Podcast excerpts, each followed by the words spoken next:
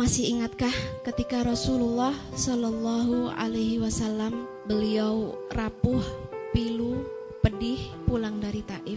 Beliau berdoa, Allahumma ini ashku da'fa kuwati. Ya Allah, aku hanya curhat kepadamu ya Allah, betapa lemahnya diriku. Wa hilati dan begitu rapuhnya diriku. Lihatlah kondisiku ya Allah.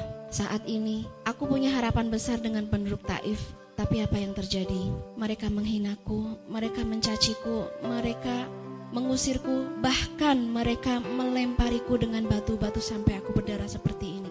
Ya Allah, aku hanya curhat kepadamu ya Rob. Lalu apakah beliau ada kemarahan?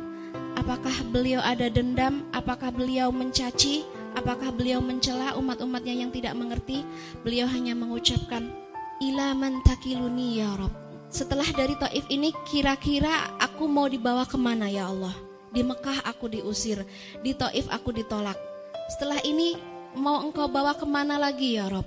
Apakah kepada musuh yang akan menghancurkan diriku Atau kepada tempat yang lebih jauh lagi Yang akan membuat diriku lebih hancur lagi seperti ini ya Jadi Rasulullah waktu itu hancur sehancur-hancurnya Tapi tidak mengumpat, tidak mencela, dan tidak mencaci Ini akhlak yang sangat mulia Ketika kita sedang dalam kondisi buruk, ingatlah Rasulullah Shallallahu Alaihi Wasallam. Beliau tidak mencela.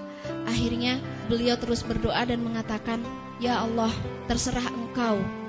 Mau kau bawa ke mana, mau kau apakan aku, mau kau uji seberat apa pun, semua yang kurasain, semua yang aku hadapi, semuanya untukmu sampai engkau ridho. Ya Allah, berilah al-afiyah berilah aku kesehatan. Semua yang menimpa aku, semua yang mempersulit kehidupan aku, gak bakal jadi masalah selama engkau tidak marah kepadaku ya Allah. Selama tidak jatuh keburukan karena kemarahanmu ya Allah, aku rela.